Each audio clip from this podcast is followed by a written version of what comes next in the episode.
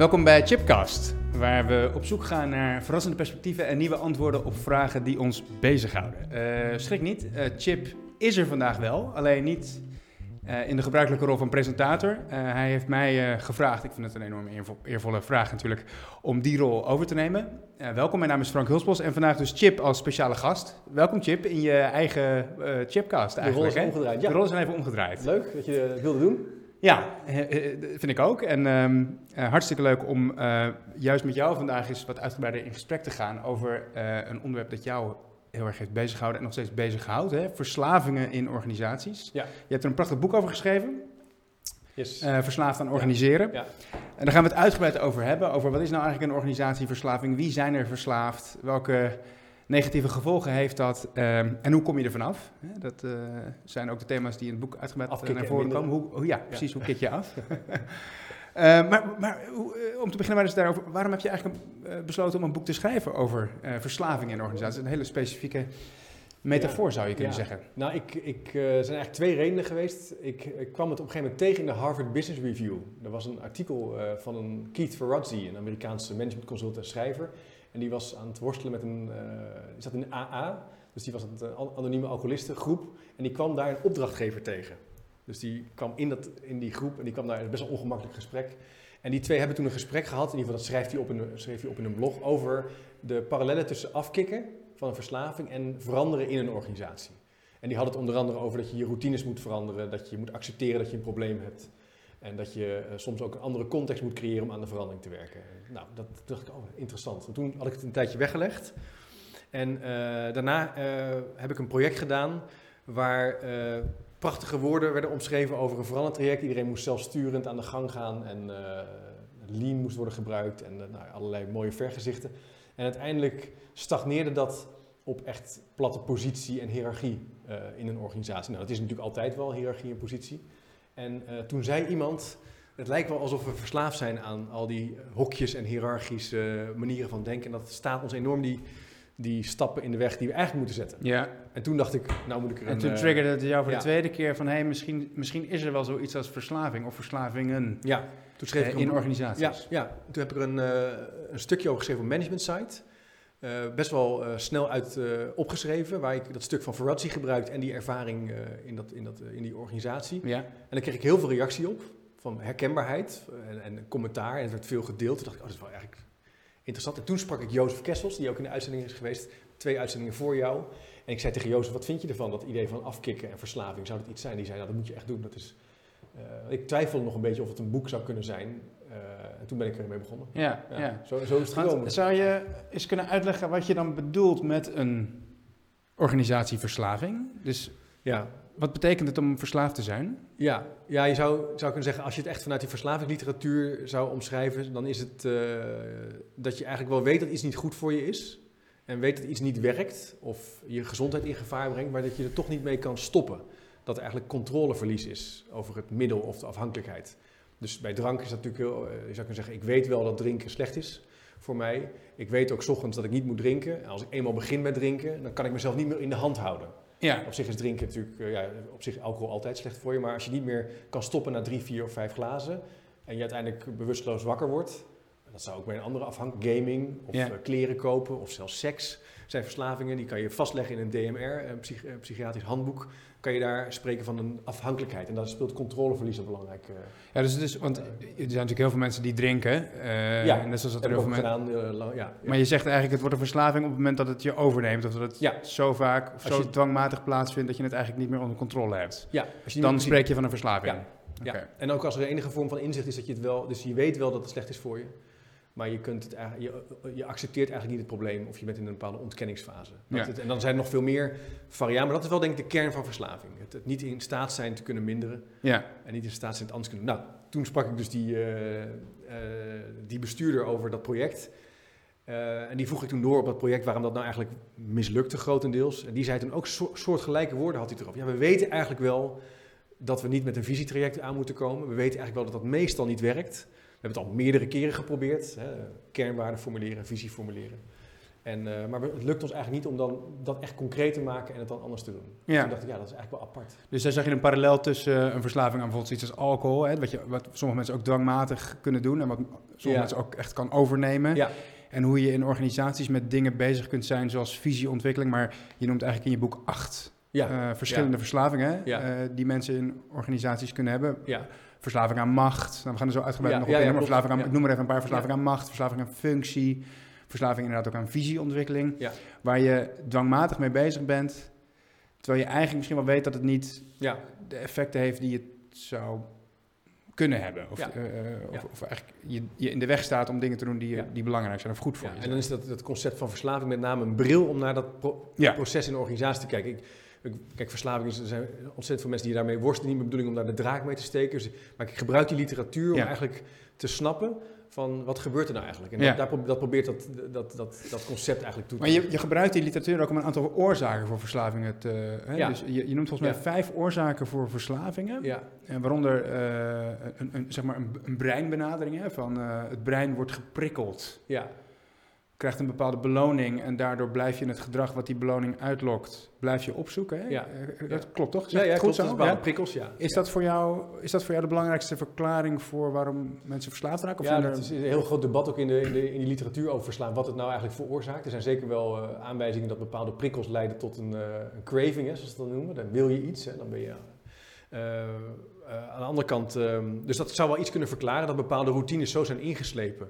Dat als er bijvoorbeeld een eh, slechte beoordeling is van een team, dan denken we meteen aan een training. Ik, hè, dus dat, dat, dat, daar zie ik een parallel in met verslaving. Ja. We zien een probleem of een vraagstuk en we denken eigenlijk meteen al aan een oplossing. Het valt altijd heel erg op als je kijkt naar teams of naar besturen die samenwerken aan iets, dat ze heel snel in een oplossingsfase zitten, maar eigenlijk heel weinig in de analysefase zitten van het probleem. Ja, Dus dat, hè, dus het probleem, omdat die oplossings, eh, dat op zoeken naar een oplossing, dat dat een lekker. bepaalde prikkel kan geven. Ja. Een bepaalde, Ja. ja, geeft een gevoel van rust, overzicht, ja, orde. Eh, liever met een oplossing bezig zijn dan met een probleem. Als je met een probleem bezig bent, ja, dat is, dat is, ook al is het een heel taai probleem, eh, ga je dan eigenlijk snel naar die, naar die interventie over. Maar is dat, ik, ik, ik, ik, ik, heb het daar, eh, ik heb in, in, in de aanloop naar het gesprek met jou vandaag ook een aantal mensen nog gevraagd van, hoe kijken jullie nou eigenlijk naar het idee van verslaving? Ja. En een van de mensen die ik heb gesproken daarover is Aldo Houterman, dus iemand die zich ook bezighoudt met het brein en Oh, ja. vrij kritisch is op die benadering van het gedrag van mensen wordt gestuurd door wat in een brein plaatsvindt. Hè? ja. Ehm, is zoiets als wat je nu bijvoorbeeld schrijft, hè, die, eh, Ja. zo'n, zo'n, zo'n automatische reactie naar, oh, we gaan op, in oplossingen denken. Ja, of- stimulus-prikkelachtig denken. is dat niet ook eh, veroorzaakt door allerlei eh, ja, gewoontes die in een organisatie eh, al Dominant. jarenlang bij wijze van spreken dominant zijn, waar je als individu ook naar schikt? Mijn vraag is eigenlijk, zit het hem nou in het individu wat zo'n prikkel nastreeft? Of zit het hem in ja, de, dat- de context die een individu tot bepaald gedrag ja. Ja. bijna dwingt of Ja. verleidt? Nou, ik denk dat het heel erg uitmaakt met wie je spreekt erover. Ik heb een beetje een studie gedaan naar die verslavingtheorie. Als je bijvoorbeeld neurologen spreekt, die zullen zeggen, nou, het is gewoon een breinactiviteit, we kunnen dat meten. Hè? Wat, wat ik net Ja, zei over die prikkel, kunnen Dat is de meer gewoon zien. neurologische benadering. dus het is waar. Ja. Maar er zijn ook alweer onderzoeken die lieten zien dat bijvoorbeeld ratten die in een, in een kooi worden gestopt die alleen zijn, die zullen altijd eh, water met cocaïne verkiezen boven water. Terwijl als ze samen zijn in, in een kooi, dan kiezen ze, het, goeie, kiezen dan ze kiezen ze het wat goed voor ze. Dus er zit een soort sociale component ook in om verslaving, Ja. Of eigenlijk slecht gedrag, Ja. of gedrag wat slecht voor je is om dat te vermijden. Dat, Ja. dat die, die sociale verbondenheid kan je daarbij helpen, zou je Ja, dus het is aan de ene kant een neurologisch probleem, een breinprobleem. Het wordt ook een breinziekte genoemd. Dus eh, artsen zijn het daarover eens dat het een breinziekte is. In ieder geval zo definiëren ze het. Maar er zijn ook wel wetenschappers die zeggen... ja, het heeft eigenlijk te maken met ongelukkig zijn. Met een gevoel van gebrek aan, eh, aan invulling of een doel hebben in je leven. En als dat doel wegvalt, ben je heel erg vatbaar voor, voor verslaving... of het, het, het vervelende gevoel wil je wegnemen. Als je bijvoorbeeld een depressie hebt, dan ben je gevoeliger voor een verslaving. Dus dat is weer een ander perspectief van onder andere Canadese wetenschapper. Die zegt, ja, dat, dat, dat punt van verslaving moeten we eigenlijk zien... dat het een meer in ons consumentengedrag zit, in onze samenleving zit... dat we gevoeliger zijn voor verslaving. Ja. Dus dat is weer een ander perspectief. Een ander perspectief zou kunnen zijn de omgeving inderdaad. Of je vrienden, je sociale ladder waar je op zit. ja, of zou het misschien een combinatie kunnen zijn van al die factoren? Hè? Dus ehm, Ja. eh, is, het, is, het, is, het, is, het, is, het, is, het, is het vanuit één oorzaak te verklaren? Dat, dat, dat mensen eh, geneigd zijn of meer geneigd zijn tot bepaald dwangmatig Ja. gedrag? Of zou het inderdaad een combinatie kunnen zijn van eh, ja, hoe, je, hoe, je, hoe je hersenen misschien geconfigureerd zijn, Ja. hoe, je, hoe je sociale omgeving Nee, eruit dat ziet? laatste ja. het een systeemachtige... je, en dat elk perspectief wat je opzet helpt het te verklaren. Eh, ik denk wel, eh, waar, waar ik wel veel, eh, veel uitputten. Misschien ook wel, ik ben natuurlijk geen, geen arts of geen neuroloog, was dat punt van die Bruce Alexander die het had over autonomie en verbinding. Dat doet dan weer heel erg denken aan wat Daisy en Ryan schreef over vakmanschap, autonomie, verbinding, vakmanschap. Die drie variabelen die motivatie en, uh, en, goed werk eigenlijk uh, mogelijk maken. Ja, ja. Dus ik heb in het boek geprobeerd te kijken naar die drie aspecten. Uh, van zou je dat kunnen herstellen in een organisatie, zodat de kans op verslaving vermindert? Ja, precies. Ja. Want voordat we daar nog wat uitgebreider ja. ingaan, um, ik eigenlijk benieuwd, wat zijn nou eigenlijk de, de meest hardnekkige verslavingen in organisaties en wie zijn daar nou eigenlijk precies ja. ja de junks, zal ik maar zeggen? wie, wie, zijn er echt verslaafd in jouw ogen? Ja. Nou ja, dus dat is wel een punt. Uh, ik, ik, denk dat uh, die nu bij mij hoog op het lijst staan, die verslavingen zouden kunnen variëren gedurende de tijd. Zou er mogelijk nieuwe verslaving bij, bij, kunnen komen. Ik denk dat machtsverslaving en visieverslaving vind ik wel twee die voor mij op stip op nummer 1 en 2 staan. Als je dan drie zou kunnen zeggen, probleemverslaving vind ik wel een, een goede derde. Machtsverslaving, visieverslaving, probleemverslaving. Dus machtsverslaving, het idee dat je eigenlijk alleen kan veranderen als je de invloedrijke mensen bij elkaar zet. Of dat bepaalde hiërarchische posities recht hebben om te denken, anderen uh, recht hebben om te werken. En dat het denken voor het werken gaat. En dat daar ook een soort financiële consequentie aan verbonden is, meer inkomen, et cetera. En dat is die organisatie zo is ingericht dat de verandering eigenlijk voortkomt van boven naar beneden. Ja. Of heel klassiek dat je de trap alleen kan schoonvegen door van boven naar beneden te gaan. Het hele idee dat er dus een hiërarchie is, die leidt tot... Uh... Maar wat je nu omschrijft is toch veel meer een soort opvatting, een soort idee over hoe de wereld werkt? Of, of is dat... Waar, waar, zit dan precies de verslaving? De, verslaving dus aan dat idee? Of aan dat, dat we teruggrijpen op, op die oplossing. Dus dat, dat, dat eigenlijk alle veranderinitiatieven uiteindelijk gaan over die uh, meer eendimensionale manier om naar een organisatie te kijken. Dus dat die hiërarchie uh, nodig is om te veranderen. Terwijl dat het niet zonder die hiërarchie nee, kan. Dus, ja, dat je, je moet een lijn mee hebben. Hè, dus ja. Een project moet de lijn in. Uh, we moeten de, nou ja, de invloedrijke mensen oplijnen. We hebben een stuurgroep nodig, een projectgroep. En op die manier kijken eigenlijk naar verandering. Uh, je schrijft in je boek ook dat macht, als ik het goed herinner, dat het een soort ordening geeft. Hè? Dus de, dat mensen behoefte hebben ook aan ordening. Ja. Dus er zijn mensen die, ja. die tot de groep managers behoren. Ja. Er zijn mensen die tot de groep middenmanagement behoren. Ja. Er zijn mensen die tot de groep medewerker behoren. En zo'n ordening, die vanuit macht eigenlijk uh, gemaakt kan worden, helpt mensen ook om hun omgeving beter te begrijpen? Ja, mensen zijn geneigd om te ordenen. Dus dat is, uh, in groepen zullen ook altijd het verschil... Dus dat hiërarchisch denken is misschien wel een, bijna een soort primair proces van mensen, iets evolutionairs. Uh, maar de, dus dat, dat punt zeker. En, uh, maar het is ook verslaafd in de zin dat je die macht eigenlijk heel moeilijk kan afstaan. Dus het ja. is ook iets wat je lekker vindt. Dus bijna letterlijk als mensen zeggen, ik moet een stapje gaan zetten in de organisatie. Dat gaat vaak ook gaat nooit over een stapje naar beneden of een stapje verticaal. Het gaat bijna altijd, uh, sorry, horizontaal gaat bijna altijd over verticaal. Ja. Dus het idee dat je eigenlijk waar, hoe hoger je komt, hoe meer invloed je hebt. Ja. En dat is verslavend. Spinoza, de filosoof, zei het ook al. Daar moet je eigenlijk voor waken, want die macht zal zich altijd daar, ja, proberen, die zal altijd proberen te blijven bestaan. En dat zal ook sterk gekoppeld zijn aan mensen. Uh, en dan zet je dus heel veel verander, veranderkracht of verandercapaciteit zet je eigenlijk vast. Er kan eigenlijk veel meer dan je zou denken als je zou afkicken van die verslaving. Maar zoals je het nu omschrijft, dus je hebt aan de ene kant een soort verslaving, als het om macht gaat, heb je een verslaving aan het idee dat je uh, machtsrelaties nodig ja. hebt om tot verandering te komen. Ja. Dus er moet van bovenaf gestuurd worden ja, om iets in goede banen te leiden. En aan de andere kant, degene die in een machtspositie komen of wiens macht zich uitbreidt, dat werkt ook verslavend op die mensen die die machtspositie hebben, omdat macht hebben ten opzichte van anderen ja, je lekker een lekker gevoel geeft, om ja, het maar even zo te ja. zeggen. En tegenwoordig hebben we er hele mooie taal voor verzonnen om dat een beetje te verhullen. Dan hebben we het over zelfsturende teams en over zelforganiserend vermogen. Nou, gespreid leiderschap natuurlijk. Wat een maar wat mij dan altijd opvalt is, ik vraag me altijd af, verandert de structuur ook echt? Dus ik wil hier niet te, te communistisch over, maar het is niet bedoeling om een soort, een soort wereldbeeld te schetsen waarin iedereen mede-eigenaar is van de organisatie. Maar Meestal verandert de structuur niet en de veranderen de inkomensstromen niet, terwijl de taal eigenlijk wel gaat over meer verantwoordelijkheid aan, in, in, uh, beneden in de organisatie leggen. Ja. En dus die macht is ook sterk gekoppeld aan die financiële ruimte. En die, ja, dat, dat vind ik een heel... Dus daarmee zeg je eigenlijk dat op het moment dat er over zelfsturende teams bijvoorbeeld wordt gesproken, terwijl de machtspositie van de top in, van de organisatie eigenlijk hetzelfde, hetzelfde is als in de situatie voor de zelfsturende ja. teams, ja. dan is dat eigenlijk een manier voor de top ik zeg het even heel gechargeerd. Ja, dat, Kijk of het klopt. Om hun machtsverslaving te maskeren. Om hun... Het is de ultieme vorm van dwang eigenlijk. Het moet bottom, je zou kunnen zeggen, als, als een bestuurder zegt het moet bottom-up komen, is eigenlijk een hele harde vorm van aansturing. Hij zegt eigenlijk, ik ga het niet eens meer voor jou vertellen, je moet het ook nog zelf bedenken. Ja. En ik krijg wel, ik krijg wel hetzelfde salaris ervoor. Maar die machtsverslaving, is die nou slecht voor degene die verslaafd is aan macht of voor degene die die macht Ja, dat zou je, ondergaan? ja, dat zou Want bij verslaving denk Ja. ik er snel aan dat degene die verslaafd is, hè, dus iemand die Ja. verslaafd is aan drugs, Ja. Die doet vooral zijn eigen gezondheid Ja, kwaad. Hè, Ja. Die brengt schade toe aan zichzelf. Maar iemand die aan machtsverslaafd is en een machtspositie heeft, doet hij nou zichzelf ja. nou, hier krijg je- hier tekort raak je- of zijn omgeving? Of allebei? Ja, nou, ik denk dat achter, als ik nu terugkijk op het boek, toen, toen ik het schreef, dat is nu drie jaar geleden, zou ik dat punt van verslaving en waar het nou precies zit wel wat verder willen uitwerken. Nou, mogelijk komt er nog een vervolg, hè, voor. Ja. Maar ik denk wel dat het, eh, wat, wel in, eh, wat ik wel nog steeds denk wel stevig staat, is het idee dat het systemisch is en dat het dus een, het elkaar in stand houdt. Dat dus, eh, er zijn dus ook medegebruikers.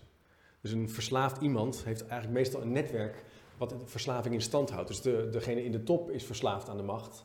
Maar degene die even in de, in de uiterste onderin het werk moet uitvoeren, is ook verslaafd. Of kan ook niet een andere positie innemen. Dus het- het vers- de- en kan dus ook niet de bekwaamheden ontwikkelen om ook leiding te geven. Dat is eigenlijk maar voor een select gezelschap van toepassing die naar boven Dus, doorstromen. dus die, die, die mensen die onderin de piramide zitten, die zijn dan in jouw ogen meer verslaafd aan het feit dat, er, dat ze hè, onderworpen zijn aan Ja. de macht van een ander. Ja, dus dan kan dat als zegt. Het is vaak ook een, eh, je hebt vaak ook sprake van ja, gemengde verslaving. Machtsverslaving kan dus ook leiden tot probleemverslaving. Dat mensen op de werkvloer constant problemen benoemen als manier om tegen die machtsverslaving in te gaan. Zo heb je vaak een soort, ja, je zou het kunnen noemen, combinatiegebruik. Ja, Waarin dus die verschillende aspecten eigenlijk op elkaar ingrijpen. ja. Ja. Ehm, en vertel eens over eh, die visieverslaving. Want eh, dat is natuurlijk, ja, eh, ja, bijna iedere organisatie is natuurlijk wel bezig met het ontwikkelen van een, van een, Ja. van een visie op, nou bijvoorbeeld in het onderwijs een visie op, op leren of Ja. Nou visie op duurzaamheid misschien Ja. voor eh, banken. Hè, die hebben daar ideeën over, die ontwikkelen daar ideeën over. ja, het grootste Waarom is dat een verslaving? Waarom is dat problematisch? Ja, dat, ik krijg daar best wel wat vragen over van mensen die het hebben gelezen. Van, is dat een soort, ik- ik ben niet tegen een visie, zou je kunnen zeggen. Dus ik denk wel dat je visie moet eh, hebben als team. Dat je moet ergens naartoe willen, iets willen bereiken. Ik zou wel altijd zeggen, altijd, probeer de eierwekker erbij te zetten. En de tijd te beperken tot een kwartiertje. Ik denk dat je een kwartier aan een visie kan hebben. En dan moet je gewoon doorgaan om een probleem op te lossen. Of in ieder geval een vraagstuk wat in de weg staat om dat doel te bereiken. Het gaat mij meer in bij visieverslaving om eigenlijk de constante gesprekken over een soort toekomst. Dus ik kom in heel veel organisaties en ook in heel veel scholen waar er eigenlijk best wel veel teamdagen zijn, waar mensen het met elkaar over de visie gaan hebben. Mhm. En waarin een uitdaging eigenlijk direct wordt gekoppeld aan er moet een visie worden geformuleerd. En die moeten we opnieuw herijken, er moet een nieuw document over komen. Nou, eh, ik heb een eh, onderzoek bij een MBO eh, gedaan, daar had het, de school zelf had een visie, de verschillende domeinen hadden een visie. Teams hadden een visiedocument en uiteindelijk moest dat ook worden doorvertaald individueel in een individueel ontwikkeltraject. Nou, dan ben je al zes, zeven eh, op zes, zeven schijven ben je bezig eigenlijk met een soort papieren tijger. Waar eigenlijk iedereen wel van weet, die visie is niet, die verandert meestal niet zo heel erg. En, eh, dus dat is eigenlijk een soort verslavende routine geworden om het constant over ja, iets, een soort stip op de horizon te hebben. Maar je zegt tegelijkertijd, ik ben niet per se tegen eh, visies. Of, Nee, ik denk ook wel dat je het. Eh, kijk, als ik wil. Ja, ja, je, houdt ook van hardlopen. eh, een doel stellen of een visie hebben. Voorstellen van hey, ik, wil, ik zou wel heel graag 10 kilometer hard kunnen eh, willen rennen. Of ik zou graag er wat fitter uit willen zien. Zou ook een visie kunnen zijn. Of ik zou als team het ontzettend leuk vinden dat het ons lukt om met andere klanten te werken. Dat we op een andere manier ons kunnen profileren. Dat kan best wel Dus je hebt, je hebt er behoefte aan dat die visie wat minder wollig en eh, abstract geformuleerd is. Is dat Ja, eigenlijk dat wat je en dat het niet leidt tot, tot een enorme papieren molen. En Ja. een activiteit die eigenlijk op zichzelf niks is. Ja, Dat is het punt van die, eh, van die visieverslaving. En de meeste eh, verandertrajecten en leiderschapstrajecten die ik nu tegenkom, ja, dat zijn toch vaak activiteiten waar mensen buiten het dagelijks werk praten over een toekomst. ja. Of praten over hun vaardigheden of over hun bekwaamheden. We hebben het al 15 jaar in de tijd dat ik nu werk over leren en werk verbinden. Maar de meeste bureaus die doen het op die manier. Dat, dat, valt- dat, nou, vandaar dat het punt van... eh, Een van de vragen die eh, het boek ook mij opriep, en toen ik de acht verslavingen zeg maar bekeek, was van wie is er nou eigenlijk waar aan verslaafd? Ja. Ik heb het idee dat eh, ehm, sommige verslavingen meer bij het management horen, zoals machts- en visieverslaving. Tenminste, zoals Ja. jij er dan over schrijft. ja, Hè? Ja, En andere verslavingen, zoals bijvoorbeeld eh, verworven rechten verslavingen, dat is de achtste verslaving, als ik me goed herinner, dat, die meer, dat je die meer toeschrijft, dat, dat de medewerkers daar meer gevoelig voor zijn. Of is dat iets wat ik niet zo moet zien? Is, Nee, dat zijn alle verslavingen eigenlijk wel voor wel iedereen? Of is het meer gebonden aan je positie in de organisatie waar je meer gevoelig voor bent? Nou, ik denk, kijk, visie, dat associeert natuurlijk di- dichter bij de top. Want dat is toch wel vaak waar, de, waar die visie en, die, en ook macht bijvoorbeeld. eh, een probleemverslaving zou vaak wel in teams weer samen kunnen, samen kunnen vallen. Wat is Eh, probleemverslaving? Dat Probleemverslaving. je alles wil Ja, dat problematiseren. Ja, constant problemen vinden, ook als ze er niet zijn. Oké. Dus eigenlijk eh, een voorbeeld dat ik gaf was een, was een team bij de, bij de overheid waar het ontzettend goed mee ging. En eh, hadden twee jaar eh, een belangrijke transitie gerealiseerd dat ze meer naar buiten moesten, meer met ondernemers moesten gaan praten om samen met ondernemers investeringen te doen als publieke sector. Ja. Nou, daar waren ze heel erg in geslaagd. Dat was een goed team. En die belde mij toen ik keer op zat. We zouden eigenlijk een teamdag een keer willen hebben om die successen in kaart te brengen. Want we zijn wel blij met wat we hebben bereikt. Successen in kaart brengen. En eh, ja, is een gekke vraag zou je het willen doen. Nou, ik zei, nou, dat is wel leuk. Schrijf, je- kan je me voorstellen? Ik had een voorstel geschreven van A4'tje. Gaan we het zo doen, zo doen. Maken we een paar dingen van. En, nou, toen eh, ben ik later opgebeld door de, door de teamleider. En die zei, ja, is wel leuk, maar we zijn nu net gekanteld. En er moet overal een business case van komen. Dus van elke uitgave die we doen aan externe begeleiders moet een business case komen. Nou, op zich nog wel voor te stellen, kan je weinig, ik kon er in ieder geval weinig tegenover stellen. Nou, Ja. oké. Het was een beetje soft wat jij zei over die successen, of wat wij zeiden. Kan je ook nog wat problemen eh, in het voorstel Ja, ja. eh, noemen? Dus het idee dat je het een hele middag alleen maar over successen zou hebben, was niet, oké, dat was echt niet... nee. Nou, toen had ik dus eh, iets geschreven over de communicatielijnen verbeteren en iets over een eh, strategische doelstelling van de, van de gemeente proberen te behalen. Nou, de week erop belden ze me weer op, zei ja, dat budget hebben we nu gekregen. Alleen nu staat het boek als probleemteam. Omdat we hebben het ingebracht bij het, bij het directieoverleg en die schrok heel erg van die drie doelen, want die zouden al lang, nou, et cetera. Dus dat was voor mij de, de, de, de aanleiding om het te hebben over probleemverslaving. Zelfs als het dus heel goed gaat, vinden we nog steeds verbeterpunten. Je zou ook kunnen zeggen, als het bij een school gewoon goed gaat, ga dan juist eens leren waar het goed gaat. Ga dat beter doen. Ja. Durf te kiezen. En dan heb je nog onderliggend meer een pedagogisch perspectief. Eh, het is, eh, we leren ook heel veel van successen. We kunnen echt minstens zoveel leren van succes als waar het slecht gaat. Ja. Je moet het beest wel in de bek kijken als er iets echt niet goed gaat. ja. Maar als het nou goed gaat, zou ik zeggen, nou, eh, probeer niet over een probleem te maken. Maar als je, want eh, eh, een van de dingen die mij ook wel, die mij telkens een beetje bekropen tijdens het lezen van het boek is, als je het verslaving noemt, hè, dan, dan, dan zit er meteen iets problematisch aan. Ja, ja. Hè, dus zoals jij ook aan het begin van het gesprek verslaving omschrijft, dan is dat eigenlijk problematisch Ja. gedrag, wat, Ja. wat jou overneemt. Ja. En bij iedere verslaving heb je een zelftest toegevoegd, hè, waarin, je eigenlijk, Ja, klopt, ja. waarin de lezer eigenlijk kan checken van, ben, is er in mijn organisatie sprake van machtsverslaving of Ja. visieverslaving? En als je dan de, de vragen leest waar, waar je een score aan moet geven, dan, ehm, ja, ik denk dat heel veel mensen al vrij snel hoog scoren. ja. Maar betekent dat nou inderdaad ook dat binnen al die organisaties van die mensen er sprake is van problematisch gedrag? Of zijn de dingen die je beschrijft als, als verslavingen ook voor een deel ja, gedragingen die, die, die in beginsel misschien niet per se problematisch Nee, zijn? Of, nee. is het, of is het altijd een probleem? Ja, dat is goed. Hoe, Leuk. snap je wat ik bedoel? Ja, nou, het is, Wanneer zeggen- is het, Ja, wanneer is, het een is het problematisch? Ja. Nou, het zou problematisch kunnen zijn als je niet kan stoppen met het gebruik, denk ik. Dus als je, als je niet meer je gebruik in de hand hebt. Ik gebruik met name dan ook de theorie van die verslaving. Dus ik heb geen managementtheorie gebruikt in het boek, maar echt Ja, ja, ja. Dus vandaar ook het woord verslaving. ja. Eh, als je het niet onder controle hebt, zou ik zeggen, nou dan is er wel een... Dus als je niet in een organisatie ook kan leren van successen. En tegelijk, als dat niet mogelijk is, dan zou ik zeggen... En Nou, je alleen maar focust op de problemen, Ja. dan is het of een ander verslaving, verslavingsgedrag. Ja, verslaving. Als, opstapelverslaving. Als je constant met nieuwe dingen bezig bent, maar niks van het lijstje afgaat. Ja, dat, is, dat is natuurlijk wat in scholen veel gebeurt. Daar moet steeds meer bij en er gaat niks van af. Dat is En je- opstapelverslaving. Dat is opstapelverslaving. Nou, dat kan nooit goed gaan. Tenzij je ervoor betaald krijgt voor je overuren, zou ik zeggen, nou. Dus dat is ook een verslaving. En zo zou ik eigenlijk gen- geneigd zijn naar te kijken naar die... Naar, dat is e- mijn eerste reactie daarop. Maar Ja. een ander punt is nog wel... Het is ook een, natuurlijk een sluipmoordenaar. Het begint klein. Een, vi- een visietraject is op zichzelf natuurlijk niet erg. Het is, wat ik al zei, het is best fijn om te hebben over waar we naartoe willen. Maar als je dat natuurlijk nog een keer gaat doen en je moet nog een keer de hei op en je gaat er dan nog een keer mee bezig en na een jaar moet er weer een plan komen en de kernwaarden moeten weer opnieuw gedefinieerd worden. Ja, dan merken professionals, ja, dat is, heeft niks met ons werk te maken. Of van die hele dag zijn we misschien een uur met ons werk bezig en een Ja. groot gedeelte zijn we... Ja, want dan komen we op dat punt. Hè. Wat, wat is eigenlijk de schade die die verslavingen toebrengen in jouw ogen? Dus wat, waar houdt het ons van weg? Ja. Nou, ehm, je daar zou je een aantal dingen wel over kunnen zeggen, denk ik. Is dat ehm, er staat natuurlijk ontstaat beperkt leergedrag. Oké. Dus als je dus naarmate je natuurlijk meer in die, in die molen zit van die, van die verslaving of van die zinloze activiteiten, eh, worden mensen ook cynisch over verandering. En wat, gaat, eh, wat houdt eigenlijk verandering tegen? Nou, dat soort initiatieven houden verandering tegen. Mensen hebben zoiets, daar, daar gaan we weer. Eh, En bijvoorbeeld een, weer zo'n weer zo'n hergeformuleerde visie. Of Ja, weer zo'n gesprek eh, op een Ja. teammiddag. Of weer zelfsturend leren, of weer, nou, eh, terwijl je het juist moet hebben van de, van de energie en het, en het enthousiasme van collega's die durven experimenteren. Want wat, natuurlijk, wat ik denk, wat verandering uiteindelijk gaat over leren en uitproberen. Je kan niet veranderen zonder iets uit te proberen. Dus dat uitproberen vraagt toch een vorm van vertrouwen, veiligheid, vakmanschap, vakmanschap interesse. Dus je krijgt eigenlijk beperkt leergedrag. Maar wat er ook gebeurt is dat mensen heel erg sterk gaan terugvallen op de hiërarchie. Dus omdat dingen niet lukken, gaan ze eigenlijk paradoxaal genoeg nog meer kijken naar boven.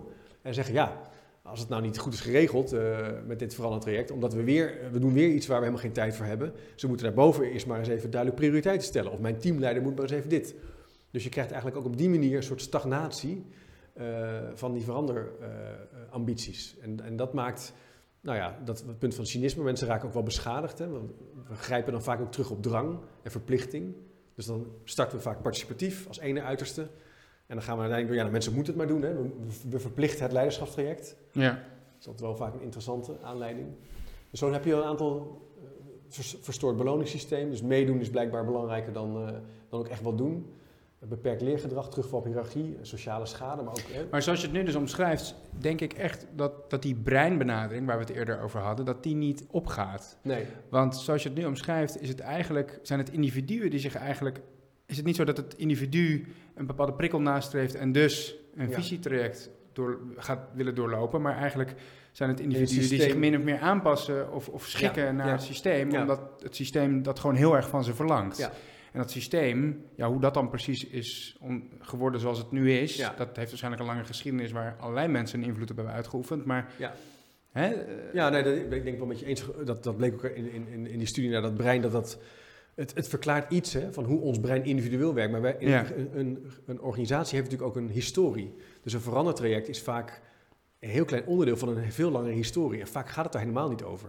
Wat is eigenlijk vorig jaar gebeurd, het jaar daarvoor? Hoe was het vijf jaar geleden? Zijn er bepaalde, klinkt een beetje soft trauma's hè, soms. Soms zijn organisaties hebben geprobeerd te veranderen, waardoor mensen zijn op een andere plek zijn gekomen, uh, ja. Uh, ja. ontslagen zijn, uh, of initiatieven zijn niet gelukt. Dat heeft een enorme impact in zo'n nieuwe verandering. En daar wordt vrij weinig in die analysefase bij stilgestaan. En, dat, en daarin kan zo'n verslaving denk ik wel bruikbaar zijn als, als, als, als, als metafoor of als bril, zeg maar. Wat, wat is dan... Oké, jij zegt eigenlijk, veel organisaties zijn verslaafd. Uh, een aantal typische verslavingen, hardnekkige verslavingen zoals uh, functieverslaving, machtsverslaving, visieverslaving, zitten het eigenlijk in de weg dat we ons gewoon bezighouden met het verbeteren en vernieuwen van ons werk. Ja. Uh, verslaving van sommige managers aan bijvoorbeeld visieontwikkeling is een proces wat voor heel veel professionals totaal niet meer nee, uh, tot de verbeelding spreekt, niet resoneert. En dat houdt ons eigenlijk weg van ja, zeg maar het gewoon do goed doen van ons werk. Ja, ja. Maar hoe ziet dan, en tegelijkertijd zeg je ook van die verslavingen op zich zijn ook weer niet het is ook niet zo dat je helemaal geen visie mag hebben of dat je helemaal geen functies. Nee, dus, het, uh, maar hoe ziet dan? Vaag als echte adviseur blijf ik lekker. Nou ja, ik vraag me dan dus af van hoe ziet dan jouw uh, ja, meer ideaal beeld van een organisatie eruit? Hè? Um, um, ja, wat, nou, wat, wat, na het afkicken, hoe ziet het, wat doen we dan? Hè? Hoe, ziet het, hoe ziet het er dan uit? Ja, ja een soort ideale organisatie. Ja, ik, denk, ik weet niet of ik dat zo direct zou kunnen schetsen. Ik denk, ik denk hoe gaan we dan bijvoorbeeld om met, hoe gaan we dan bijvoorbeeld om met, met onze visie? Hoe gaan we dan om met functies. Mogen die er wel zijn? Of, ja. Hè? ja. Nou ja, ik, wat ik, ik, zou echt wel een sterk pleidooi willen houden voor visie met een eierwekker. Dus het echt begrenzen, letterlijk begrenzen van gesprekken over de visie. Oké. Dat denk ik dat dat uh, al uh, veel, veel uh, gedoe kan voorstellen. Ik, ik, denk als je kijkt naar de... Ik kan het denk ik best formuleren vanuit de oplossingsrichting om van die verslaving af te, af te komen. Dat is toch autonomie, verbinding en vakmanschap. Het bezighouden met je werk. Dat doen in goed gezelschap met andere mensen. En daar ook verregaande besluitvorming over kunnen hebben. Dat betekent niet dat er geen hiërarchie is. Of dat er geen verantwoordingsplicht is, hè, want dat is ook een verslaving, verantwoordingsverslaving. Maar als je in een publieke organisatie werkt, moet je je verantwoorden. Maar dat je, wel, dat je wel vrij ver zou moeten kunnen gaan om mensen ruimte te geven om aan, aan verbetering en vernieuwing te werken. En dat, je, dat, dat, dat onderdeel is van je vakmanschap en, je, en, en, en waarom je eigenlijk ergens wil werken. En als je dat dus weghaalt bij mensen, ja, dan... Door te veel je bezig te houden met dingen die er eigenlijk ja. Die eigenlijk randzaken zijn? Of die eigenlijk... Dus aan de ene kant heb je die, een organisatie is, wil optimaliseren en dingen steeds sneller en beter doen. Nou, dat is een realiteit die er is. Maar aan de andere kant wil je ook leren, ontwikkelen, vernieuwen. Is dat een andere vorm van leren dan het optimaliseren? En die twee, die twee heb je allebei nodig in een organisatie. En dat vraagt dus wel een vorm van organiseren. En jij zegt nu eigenlijk, we zijn nu te veel doorgeslagen in dat optimaliseren. Ik denk dat dat En daardoor zit het leren en het Ja, want in die zin, kijk, eh, dat uh, verslaafd en organiseren, je zou kunnen zeggen, het boek Denken in Organisatie, wat ik met Jozef schreef, uh, Ja. is bijna een vervolg op verslaafd en organiseren. Dat probeert een wat meer een alternatief te bieden op hoe je dan wel eh, werk kan maken eh, van vakmanschap en, en, en vraagstukken waar je mee bezig bent. Eh, in, die, in verslaafd en organiseren speelt ook wel in de onderstroom die ster- sterke economische drijfveer in onze samenleving en in, in organisaties om steeds meer uit de kant te halen, hè, het onderste uit de kant te halen en meer te produceren. Het- dingen mogen nooit minder worden. Dat vind ik altijd heel vreemd.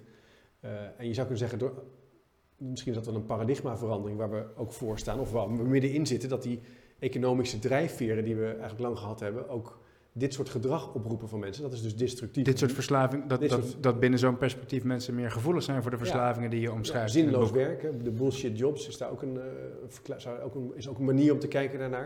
En dat je eigenlijk op een andere manier moet kijken naar veranderen. Ja. Het zou kunnen, bijvoorbeeld veel meer kunnen gaan over een hoger doel wat je met elkaar nastreeft, een maatschappelijk hoger doel. Ja. Eh, en waar je natuurlijk ook Waardoor je minder bevattelijk wordt voor macht, maar je bijvoorbeeld meer gaat focussen op hoe kan ik samen met mijn collega's dat hogere doel nastreven. Ja, en er zullen altijd mensen zijn die super, eh, super eh, inspirerend zijn of eh, grote organisaties kunnen leiden, dat gewoon goed kunnen. Maar ik denk wel dat we, dat we onszelf kunnen, op een andere manier kunnen organiseren, zodat anderen dat ook kunnen leren. En we daarmee meer leiders krijgen in plaats van dat het een selecte groep Ja. experts zijn, zeg maar. Is er nog een verslaving die, die we zijn vergeten eigenlijk, die toch wel heel erg hardnekkig of belangrijk is? We hebben er best wel veel besproken al, Ja, maar Probleemverslaving hebben we natuurlijk gehad, visieverslaving, opstaan. macht is een belangrijke, daar hebben we het uitgebreid over gehad. Trouwens, over macht, Functieverslaving. daar wil ik het Dat eigenlijk ik even over hebben, over dat functieverslaving. Dat Heeft dat ook met ordening te maken, met de Ja, behoefte zeker, van mensen ja, aan ordening? ja. Want Ik wat is een functieverslaving? Dat je de behoefte hebt om constant iedereen een bepaalde functieomschrijving te geven? Ja, dus, nou, ja, je kan het in projecten kan je heel duidelijk zien dat, dat de meest moeilijke vraag in een, in een verandertraject is: eh, hoe zit het met de rollen, taken en verantwoordelijkheden? Als, eh, dat, is, dat is de typische vraag die uit die verslaving toch? Dat is een rotvraag, want ja, eh, dat, dat, dat, dat roept eigenlijk helemaal op de governance en de structuur en de projectorganisatie. Iedereen weet al wel, het uitwerken, ja, soms werkt het wel een beetje. Hè? Als je een ICT-project hebt, is het wel zinvol dat te doen. Maar bij een verandertraject dat gaat over klantgerichtheid, wil je toch dat iedereen klantgericht gaat zijn. Niet zo dat de CEO dat niet is en die andere wel. Dus dat, dat, dat, is, dat punt, zeg maar, dat hele gekke kijken naar veranderen, dat, dat zien van veranderen als een buitenkant van een organisatie, terwijl het niet gaat over die geleefde wereld, die realiteit waar mensen gewoon in zitten, zeg maar, Ja. in een organisatie. Eh, en het is het idee van eh, dat ik een functie heb en dat mijn, mijn taken, rollen en verantwoordelijkheden daar binnen vallen en dat ik geen andere dingen doe. Op het moment dat je dus zegt, ik ben junior, junior accountant, en, en jij bent teamleider, dan krijg je dus ook vaak gedrag dat als ik vind dat iemand niet presteert, dat ik dan naar jou toe ga. En dat ik dan zeg, ja Frank, eh Piet die functioneert helemaal niet, die moet je even feedback geven. Hoe vaak ik dat niet hoor in de organisatie, dat mensen over elkaar gaan praten. En ik heb het idee dat dat komt door die hele sterke nadruk op die functie. Functiedifferentiatie. Functiedifferentiatie. Ja, ja, oké. Ik snap het wel, hè? een docent is een docent, is geen eh, conciërge. Maar het, heeft ook iets, het, het zet ook iets op slot. Ja, ja. En daar probeer ik in dat, in, in dat stuk zeg maar, verder datgene wat niet tot jouw functie behoort, dat is ook niet iets Ja. waar, je voor verantwo- waar Nee. je verantwoordelijk voor hoeft, Nee. hoeft te voelen. Zeg maar. ik ben niet van de klantgerichtheid, of ik ben van de ICT. En ja, Peter zei het laatst in een, eh, in een, eh, in een opname van eh, de ICT-medewerker van een zorginstelling. Die vond het niet nodig om de medewerkers in die zorginstelling echt te helpen, want hij was van de ICT. Ja, ja, precies. En, eh, ja, je dat- toch voor een zorginstelling werkt. Ja. En dus hetzelfde doel zou kunnen hebben. Ja. Hier, hierbij zou je wel kunnen zeggen, ja, als je goed leiding geeft aan zo'n organisatie, zou iedereen dat gevoel moeten hebben. Nou, dat is natuurlijk wel waar. Alleen, Maar dat is dan weer een machtsverslaving. ja, dus dat. En, en het is zo dat het, het sluimert erin. Het, eh, het, het maakt, mensen hebben natuurlijk de neiging om routines te ontwikkelen, structuren te ontwikkelen en dan een beetje in slaap te vallen. eigenlijk wat je dus telkens zegt is dat in beginsel al die gedragingen die je in het boek omschrijft als verslaving, dat die in beginsel nog niet per se problematisch zijn. Nee, Maar dat ze als een soort sluipmoordenaar, hè, de, de ondertitel van Ja. het boek is ook acht sluipmoordenaars, die verandering tegenhouden, eh, langzamerhand ja, je over- overnemen. Ja, maar zo zie je natuurlijk ook met, met alcohol. Zo, eh, niemand, niemand is meteen verslaafd aan alcohol. Of aan, aan drugs of aan fitness. Maar hoe hou je het gebruik dan gezond? Hè? Dus Ja. ehm, Ja.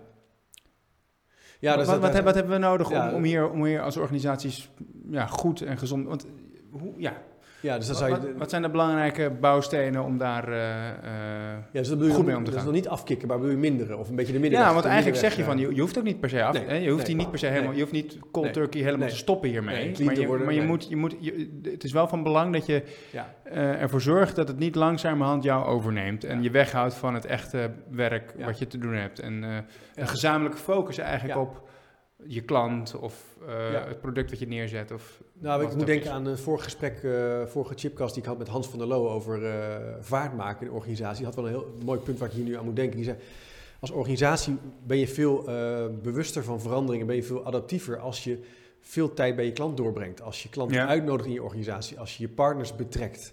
Als je daar op die plekken bent waar het werk gebeurt. Dus ik denk dat dat echt een manier kan, ook kan zijn om te reguleren. Om niet te veel te gaan geloven in je eigen veranderplannen. Ja. Naarmate mensen meer in een... Als wij nu... Want het zijn ook eigenlijk allemaal verslavingen die eigenlijk over de interne organisatie Meestal niet ja. zozeer naar Ja. buiten toe. Het is niet een verslaving aan, aan eh, klantvriendelijkheid of zo die Nee, je er hebt nee, opgezet. het is het zijn allemaal verslavingen aan Ja. de interne organisatie. Dus dat dingen die met de interne organisatie te maken En de hebben. neiging is gewoon sterk als je dan met een veranderplan aan de gang gaat. Of je gaat met een- dat je te veel gaat geloven in je eigen plan. Ik heb het zelf ook meegemaakt als projectleider.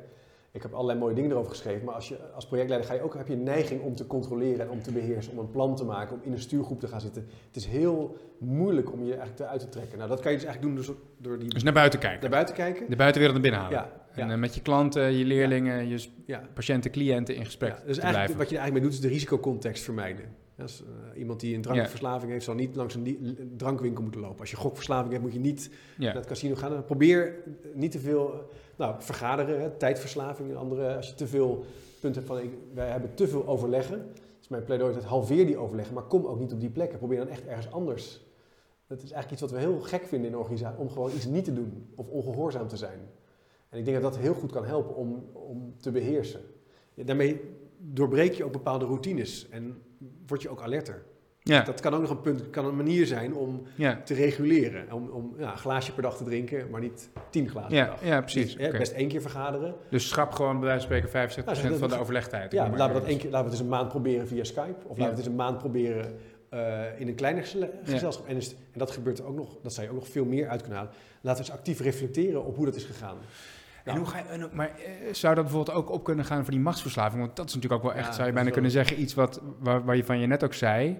Dat is iets wat mensen echt een ehm, hè, machtig zijn of eh, macht hebben over een ander. Dat, dat kan ook echt wel een heel fijn Ja. gevoel zijn. Hè? Ja. Dus hoe, hoe doorbreek je dat dan bij een manager is- die in de top, al lang in de top van een organisatie zit en echt heel erg veel waarde is gaan hechten Ja. aan die machtspositie? Dat is toch wel een ingewikkeldere, of niet? Ja, ja, dat is ook wel. eh, in die zin, daar, daar in, in eh, denk in organisaties zijn we daar ook wel mee verder gegaan. Het idee van macht en die verslaving daaraan. Ja, je zou daar in de radicale weg kunnen kiezen. Dan zou je kunnen zeggen, je zou eigenlijk mensen moeten verplichten om te roleren. Dus als je even radicaal denkt, zou je Ja. zeggen, die versla macht is, ver- is verslavend, functie is verslavend, geld is verslavend, hè, het wordt bijna nooit meer. Dus roleer. Dat zou je kunnen afspreken met elkaar. Je zou kunnen zeggen... Wisselend eh, Wisselen, ja. voorzitterschap, wisselend schoolleiderschap bijvoorbeeld in een school. Ja, roleer het vo- voorzitters- voorzitterschap. Dat Zou je nooit te lang de baas van de organisatie Ja, bent. drie jaar en dan ga je door. Ik vind eh verworven rechten verslaan, punt dat sommige mensen 30 jaar in een organisatie werken, vind ik heel gek. Zou eigenlijk, eh, ja, ik wil het niet verbieden, maar als je, vaak ga je te veel geloven in je eigen werkelijkheid. En als het gaat over veranderen en het gaat over een veranderende omgeving waar je eigenlijk constant moet meebewegen, ja, zou je dat punt nog kunnen, wel kunnen tackelen op die Ja. manier. Ja. Dus dat zijn zo even radicaal. Ja, je zou nog kunnen zeggen, misschien ook een radicaal punt, laat de mensen de leider kiezen. En dan een beetje dat eh, idee van, weet je ook weer, die Braziliaan, eh, Semco. Semco, die daar Semler. ook mee, Ricardo Semler, die daarmee experimenteerde. Zegt van, nou, de teams kiezen eigenlijk de beste leider. En dan, dan doorbreek je ook wel een bepaald politiek eh, onderstroomproces. Aan de andere kant, dat is een ideaal perspectief. Hans Vermaak zei ooit tegen me, ja, je moet ook wel realistisch zijn. Hè? Dat gebeurt gewoon niet. Dit, dit is ook, politiek macht is ook een spel wat gespeeld wordt. Maar goed, soms moet je een beetje ide- ide- ide- idealistisch zijn en kijken hoe je dat kan doen. Er zijn wel- zijn wel manieren en er zijn ook wel organisaties die daarmee experimenteren. Stapsgewijs zou je kunnen zeggen, dat is min- minder radicaal. Eh, schoon gewoon, hè, het schoonmaakbedrijf. Die Thijs Spaargaren was een paar geleden, uitzending geleden een uitzending. Die hebben kleine coöperaties van schoonmakers. En die roleren het voorzitterschap. Ja. En eh, dat, die schoonmakers, je zou kunnen zeggen, die hebben best wel fysiek werk, maar die leren dus ook een rooster maken. Die leren ook leiding geven over een planning. Dus die bekwamen zich breder. Ja, dat is misschien wel helemaal jouw, st- hè, Ja. ik denk wel in jouw straatje als het gaat over gespreid leiderschap. Eh, en, en die mensen zijn, zeggen dat ze gelukkiger zijn, dat ze het leuker hebben. Dus het kan blijkbaar wel. Ja. Je kan blijkbaar wel het reguleren. Maar het is wel, je moet er wel voor waken volgens mij. Het zit in de mens, die Ja. verslaving. Ook in Ja, mij. in dat kader stelde iemand via Twitter ook nog een vraag. eh, eh, eh, nou, aan mij, maar natuurlijk aan jou gericht uiteindelijk. Hè? Vraag van Arndt Brugman. Oké. Ja, die vroeg zich in het kader van die machts... Ja, Ja, op Twitter, ja, ik ken, ja, reageert, reageren we wel eens op elkaar. Leuk. Nou, Die, die, die vroeg zich af in het kader van die machtsverslaving inderdaad ook. Hoe komt het toch dat er, dat er nog steeds, dus nog steeds, zegt hij, zoveel jongeren manager willen worden? Ja. Is dat trouwens iets wat jij herkent? Dat inderdaad nog steeds zoveel jongeren manager willen worden? Ik, Nee, ik ik had daar wel meteen een vraag bij. Ja, ik want ik, ben, nou, ik ben, geen jong- ben zeker geen jongere meer. Maar toen ik nog jong was, tien jaar geleden, toen had ik toch helemaal... Ik had zelf helemaal... Maar goed, Nee. dat is natuurlijk eh, een eigen ervaring. Ja. Hoe- Herken jij dat fenomeen wat hij omschrijft? Dat, dat, dat die behoefte er nog steeds sterk Ja, ik is? zie het wel nog. Ik zie het wel, eh, wel minder dan toen ik, toen ik afstudeerde, maar dat, was dat wel meer. Het, eh, in de bedrijfskunde-studie die ik deed, was echt leidinggeven wel echt een belangrijk ding. ja, ja, dat was wel bij de ja. meeste studenten naar in de financiële sector en dan eh, aan een team leiding geven, dat dat echt belangrijk was. Ik vind dat wel echt aan het kenteren. Dat jongeren nu meer ondernemen, meer zelfstandig durven eh, ja, een kamer van koophandel gaan en gewoon eh, iets met duurzaamheid gaan Ja. doen. Of, of een eigen schoonmaakbedrijf of wat dan ook. Ja, en dat heeft volgens mij heel erg met die doelen die je nastreeft Ja, te dat- maken. dat- Zoals jij dat eerder ook al zei. Als het inderdaad ehm, je, je is te doen om, om status en, en, en, en een goede financiële positie, dan, eh, is, dat natuurlijk het, dan is het natuurlijk Ja. nastrevenswaardig om manager Ja. te worden bij een bank. Terwijl als Kijk, je, Ja, precies. Het is zeker wel, het is wel echt een vak. Er, zijn, zullen vast mensen zijn die dat echt leuk vinden. En ik denk wel dat managen, en dat, in die zin ben ik daar wel anders naar gaan kijken, het afgelopen jaar echt wel een discipline is. En dat kan je echt leren. En daar kan je ook ontzettend veel plezier aan beleven om een team. Dus eh, die kritische kant die ik wel ook op heb, is dat het. Wat het dan nog steeds, wat is het eigenlijk? ja, dus, kan je overal manager worden. ja, precies. Kan je in een supermarkt managen en in een school managen? En ik denk wel dat het. Of moet het je gaan om het goed eh, leiden en goed organiseren van een supermarkt? Ja, en dan ben ik wel, als iemand zegt ik wil meteen leiding geven aan mensen, dan ben ik wel wat Dan waakzaam. ben, je, dan ben je alert. ja, wat is eigenlijk. Wil je de baas spelen over mensen? Of wil je mensen. Of, of, of mensen die zeggen: ik wil anderen enthousiasmeren of in hun kracht. Ik wil anderen in hun kracht zetten. Dat vind ik ook altijd een beetje een gekke redenering. Een beetje bij Star Wars vind ik dat een beetje de kant van de dark side op- opgaan. Van wow, weet je wel. Eh, waar gaat dat heen? Maar is dat ook niet een manier om je machtsverslaving te maskeren? Als je zegt dat je Ja. anderen in hun kracht wilt zetten? Ja, ja, dat vind ik wel. Tenminste, nee, dat, dat- zou dat erachter zou ik kunnen zitten. zo- Tenzij je dat natuurlijk echt En, en, dus Eh, dat, en dan nog door. wil. Ja, maar Ja, goed, ja, dan, dan zeg je het waarschijnlijk niet. Nee, ik kan me wel voorstellen dat je, dat je in een school of in een zorginstelling zegt van ik vind dit vak leuk, ik, wil, ik vind het een fantastische plek. Ik wil dat mijn collega's ruimte hebben om een vak te... En ik ben een soort eh, schild om alle shit die op ons afkomt eh, tegen te houden en hun maximaal ruimte te geven om die cliënten eh, te bedienen. Ja. Nou, dat kan je natuurlijk ontzettend Ja. leuk vinden. Je kan ook heel veel energie halen uit mooi werk. Maar er zit ook iets in van leegte. Als je alleen al meteen kiest voor, voor, voor managen, dat, dat, dat, eh, vanaf jongs af aan, dat het heeft iets vreemds. Wat, wat, wat creëer je dan? Wat maak je dan? Ik denk wel dat het maken en creëren van iets wel iets heel menselijks is wat diep in ons zit. Ja, dus als je te puur gaat om, uh, om uh, het spelen van de baas over anderen, dan zou het waarschijnlijk een, dan zou het wel eens een machtsverslaving kunnen zijn. Ja. Terwijl Ja. het je inderdaad te doen is om het neerzetten van iets en Ja. daar leiding aan geven. Eh, een goede supermarkt of, een, of wat het ook mogen zijn, dan, dan, dan, dan is het misschien, heeft het dan weer een andere drijf. Ja, dat is een beetje, precies, dat is het punt. En ik denk ook wel dat, ehm, ik denk niet dat je, dat leidinggeven wel komt via het vak, uiteindelijk. Het merendeel. Ja. Ik denk wel dat de hele goede bestuurders en leiders die ik tegenkom in organisaties, artsen die leiding geven aan grote ziekenhuizen, dat zijn artsen of dat zijn accountants die aan accountants. Dus ik denk wel dat je wel echt moet snappen Mm. waar het over gaat. Ja. Dus het lijkt mij moeilijk om. eh, het zou vast wel kunnen, er zullen vast uitzonderingen zijn, maar in de regel.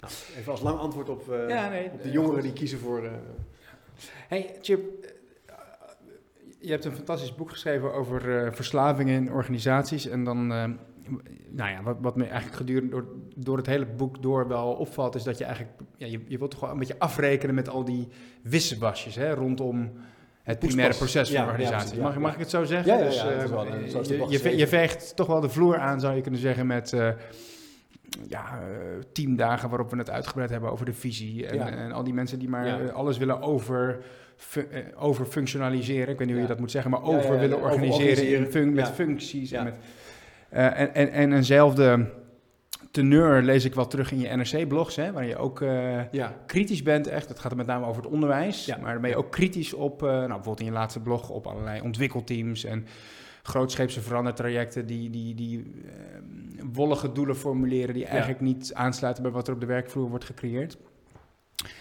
Ehm, maar tegelijkertijd, ken, ik ken je al een hele tijd. Ik ken je ook, dat is een beetje, je zou kunnen zeggen, wat je in uh, Verslaafd en Organiseren en in die blogs terug laat komen, is een soort uh, realistisch geweten. Hè? Zo van, jongens, laten we het wel met elkaar, ja, ja, laten we wel normaal blijven doen en laten we, het wel, ja. laten we ons wel bezighouden met, met waar we het echt voor doen. Met de klant, met de leerling. En laten we daar niet te veel ingewikkeld over praten, maar het gewoon goed doen voor die, voor die mensen bijvoorbeeld. Hè? Um, maar tegelijkertijd, ik ken je ook, ik ken je al heel lang, en ik ken je ook als iemand die, die, ja, die idealistisch is. Hè? Die, die ook juist wel is van de vergezichten en van de, Mag ik, klopt dat? Ja, nou, ik, ik, ben wel met, met het vak bezig. In die zin, natuurlijk heb ik wel. Ik kan heel graag uh, verdraaide organisaties of. Uh, vind je ook vind je een mooi boek? Vind ik mooie boeken. Ja. Advocacy, dat, dat kan ik lezen. Dat denk ik, wauw, weet je wel. Dus volgens mij heb jij zo. Dat, dat, dat, denk ik tenminste een beetje terug te zien in je werk. Aan de ene kant die, die, die, die realistische. Uh, ja. belangstelling voor het realistische perspectief. En aan de andere kant ook belangstelling voor dat meer idealistische toekomst denken.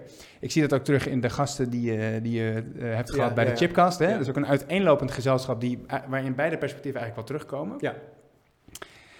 Um, ja, waar, waar, sta jij nou eigenlijk op, dit moment? Is, uh, zie jij jezelf als iemand die die twee klopt het inderdaad wat ik zeg? En, uh, heb je belangstelling voor beide perspectieven en probeer je ze met elkaar te verbinden? Of, of, heb je toch wel meer met het een of meer dan, dan met het ander? Hoe, hoe, hoe moet ik dat... Nee, ja, hoe, moeten we jou, hoe moeten we jou nou plaatsen, zou ik maar zeggen? Ik heb wel echt een, brede, ik heb wel een brede, brede interesse voor werk organiseren en samenwerken en leren en, veranderen en innoveren. Dat, dus daar, daar, kan ik nog, nog wel veel breder in gaan. Dus ik vind uh, filosoof die erover praat ook natuurlijk ontzettend de moeite waard. Dat kan me heel erg grijpen. Het werk van Spinoza of... Uh, het werk van Jozef Kessels, hoewel het ook wel wetenschappelijk onderbouwd is over leren. Maar, ja, maar Jozef zou je wel kunnen scharen onder de meer idealistische... Ja, die zeker een bepaald perspectief op leren. Die echt een stevige opvatting, ja. sterke opvatting heeft over hoe het zou Ik denk wel dat dat het levenselixer is van mensen bijna. Of in ieder geval van mij, om, daar, om dat te lezen en dat te zien. Ja. Uh, je hebt het nodig om uiteindelijk weer aan zo'n, aan zo'n vraagstuk te gaan werken.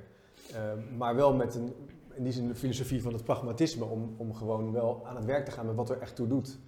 En ik kan me wel inderdaad, uh, in, die, in die zin ben ik de afgelopen jaren wel, heb ik een soort reality check wel gehad. Op, ik heb best wel veel scholen bezocht, ik werk veel in het onderwijs. Ja.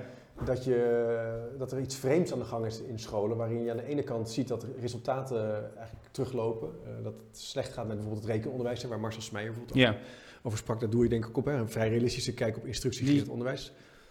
Um, en, tegelijk, en, en, we ook bijvoorbeeld weten uit eerdere jaren, Dijsselbloemcommissie bijvoorbeeld, dat die hele grootschalige onderwijsvernieuwingen eh, één, gewoon nooit werken. Groot veranderen is meestal wel gedoemd om te mislukken in organisaties. Maar twee, ook van dat in het onderwijs dat soort vernieuwingen ook vaak niet gestoeld zijn op, op wetenschap, of in ieder geval een vorm van kennis.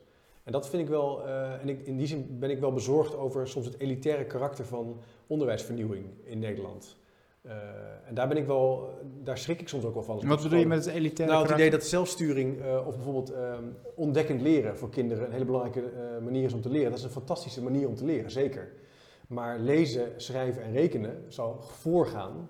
En daarvan weten we eigenlijk, zou ik denken, dat dat kinderen gebaat zijn bij een rustige klas, bij een niet te grote klas, bij een goede instructie en een leerkracht die de ontwikkeling van hun kinderen kan volgen en daar ook tijd voor heeft. En daar ook autonomie heeft om daar ook... Ja, dus daar is... Ja. Nou, zo, dus... En, en dan, dan verbaast mij het dat we bijvoorbeeld weglopen met dingen als 21e eeuw vaardigheden of ontdekkend leren, waarvan we gewoon weten over tien jaar is het weer een nieuwe term. En het stort meestal... Ja, nou ja, ik wil niet te, te doemscenario klinken, maar het gaat ons niet helpen. Dus dat is wel een zoektocht die ik zelf ook, die ik zelf ook heb. Ja. Uh, met teams met wie ik werk in het onderwijs of met in andere. Als ik, uh, wat, wat, ik, wat mij zo opvalt als ik bijvoorbeeld op Twitter die discussies uh, tussen deze twee groepen mensen, zou ik maar zeggen, volg. Ja. Um, dat, dat, het, dat het zo onverenigbaar soms lijkt. Mm. Wat bij mij dan. Ja. ik, ik denk dat ik behoor tot de grote toe, hoe zeg je dat? Meekijkende massa die zich nooit laat horen. Ja, voyeur. Om, ja, omdat ik, uh, me, uh, omdat ik het zo moeilijk vind om me te mengen in ja. een discussie waar de, de standpunten zo zwart-wit zijn. Ja. Of soms in ieder geval lijken. Ik denk dat ja. het in de werkelijkheid helemaal niet zo, zo zwart-wit nee. is. Maar nee. ik, ik, um, ik heb soms het idee dat, dat, we, dat, dat we veel meer de, ja, de tegenstellingen tussen die twee groepen proberen te benadrukken. ik- ik- ik- dat we op zoek gaan naar. Ja. Als ik bijvoorbeeld zo'n Marcel Smeijer hoor, dan denk ik, nou, er zitten, eh, Ja. dat is echt niet iemand die helemaal tegen eh, autonomie van leerlingen is Nee, of zo. Alleen hij niet. voert een pleidooi voor dat Ja. we ook ons rekenonderwijs goed op orde moeten hebben. En daar heeft hij ook heel veel verstand van, heeft hij ideeën over. En Jozef Kessel zal het er echt niet mee oneens zijn dat leerlingen ook eh, goede rekenvaardigheden hebben. Dus, eh, en het lijkt soms wel alsof, alsof het bij- bijna Ja, bewust eh, dat is wordt denk ik wel opgezocht. Een tij- eh, ja, nou dat is denk ik wel iets wat in deze tijd sterk gebeurt. Dat polariseren, dat tegenover elkaar komen te staan. Eh, ja, maar dus ook in zo'n onderwijsdebat? Of, of, ja, er wel? zijn gelukkig ook wel mensen die de middenweg wel Ja. kiezen. Maar ik herken wel, dat, dat zie je natuurlijk ook op Twitter en je ziet het op, op andere plekken. Ik zou, me- ik zou mezelf niet op een van de... Ik, ik denk wel, ik vind mezelf wel genuanceerd eigenlijk als ik zo kijk. ik vind mezelf... Nee, ik bedoel, ik, bij die onderwijsvernieuwingen, bijvoorbeeld denk ik, nou, houd het klein. Eh, versterk het leiderschap van de, van, de, van de schooldirecteur. Maak daar überhaupt eens tijd voor. Hè? Dat er een schooldirecteur is in, in- op een school zou al zich heel mooi zijn. Hè? Want dat wordt allemaal tegenwoordig in allerlei ja, gekke financiële constructies moeilijk gemaakt. Versterk de didactiek en de, en de pedagogiek. Nou, daarmee doe je al heel veel. Hè? Werk, gebruik wetenschappelijke inzichten. Dat zijn al vier dingen die heel concreet zijn, die niet radicaal zijn. En nou ja, dan sta je op de schouders van reuzen. Hè? Dan gebruik je de data en de wetenschap die er is om te werken aan verbetering en vernieuwing. En dan kan je best groot veranderen uiteindelijk, maar begin gewoon daar waar het, waar het Ja, gebeurt. dus dan zeg je, je kunt, eigenlijk, je kunt best wel grote vergezichten hebben over waar je met je school naartoe wilt. Maar Ja. probeer, maar, dus je mag best wel een soort ideaalbeeld voor jezelf schetsen Tuurlijk. van waar je naartoe wilt. Maar bedoel, begin in eerste fantastisch. Het Agora-onderwijs zonder, zonder diploma's en zonder, bijna zonder klassen en een radicale invloed voor, voor de... Fantastisch, maar dat gaat niet overal werken. En dat is natuurlijk wel... eh, eh, maar het is ook niet erg dat iemand eigenlijk misschien wel dat graag wil. Het is misschien ook wel ieders passie en droom om op een bepaalde manier naar onderwijs te kijken. Of naar een eh, commerciële organisatie. Nou, zo zie ik dat voor me. Ja, Maar wel met enige realiteitszin, denk ik. ja. Dat is, maar, en dat, daarbij speelt ook nog wel, is het, het is ook wel, je hebt soms de tegen nodig om, je hebt tegen nodig om weer voor te zijn ergens voor. Hè? ja. Dus het is soms ook nodig, die polarisatie, om te snappen waar je in, waar je in naar voren wil gaan. Ja, ja, ja. Ja, als je daar op een gegeven moment ook inderdaad de, de, de, de, de, de, de overeenkomsten in gaat zoeken, Ja, ehm, eh, denk, dan denk ik dat dat Ja. inderdaad zou kunnen helpen. Ja. ja. Ja. Oké. Ehm, ja, dat allemaal naar aanleiding van, eh, eh, van jouw boek eh, en, Ja, en, en, en, jouw, nog. en, en Ja, in leuk. bredere zin jouw werk. Hè? ja. Ehm, eh, ja, Chip, hoe vond je het eigenlijk om zo in plaats van presentator eventjes Ja, in de stoel nee, van, van ondervernaagde Super. te zitten? Heb ik het een beetje goed gedaan? Of? Ik had een dikke voldoende. Moet maar aan de, aan de luisteraar even kijken. ja, dat is ook zo natuurlijk. Ja. Nee, ja, ik vind het wel leuk. Het is, wel, het is anders dan natuurlijk vragen te stellen. Ja, Je moet even, me voorstellen. en ik vind het is leuk om over die verslaving te praten. En, je, en die, dat punt ook wel van waar, waar is die verslaving nou van? Hè? Van wie is het nou? Onder andere zet je me wel meer aan het denken. Ja, ik denk dat er verschillende verslavingen Ja. voor hè, meer van toepassing zijn op, verschi- op verschillende mensen in de organisatie. En misschien dat er, en ik denk dat, dat, dat de oorzaak van wat jij dan verslavingen noemt, eh, heel, dat je die echt moet terugzoeken in, in, het, in het systeem waar mensen zich Ja. in bevinden. Ja. Dat, Ja. dat het niet enkel te verklaren is door de mensen die een bepaalde prikkel nastreeft. Want eigenlijk zijn de, de verslavingen helemaal niet zo belonend, zou je bijna kunnen zeggen. Hè? Dat is wel, dat is, dit is op- Behalve wel... dan misschien die machtsverslaving. eh, Op korte termijn kan je dat nog wel een goed gevoel geven, maar... Nee, uiteindelijk... Nee, het is ook, ik denk dat het ook mensen zijn die zich schikken naar wat ze in een organisatie tegenkomen. Ja. En dat dat de verslaving Ja. het misschien wel verklaart. Ja. ja, je moet dus het systeem snappen. Hoewel in het eh verslavingsboek uiteindelijk zeg ik van... eh, jij moet er wat mee doen, hè? Is Ja, precies. Je kiest, is- je kiest je best wel die individuele benadering, maar ik denk dat het... Ja. Ja. Het is zeker een systeemperspectief. Het is groter dan wat je zelf, eh, waar je zelf invloed op hebt soms. Ja. precies. Nou goed, leuk. Leuk. eh, voor degene die dat eh, de moeite waard vinden, het, het boek is gewoon nog te bestellen natuurlijk. Hè? Ja, ja, zeker, ja, ja, dus ja, ja. Om, om er nog meer over te lezen. Nou, Leuk Frank. dankjewel Chip. En beste luisteraars en kijkers, tot een volgende keer bij een volgende Chipcast.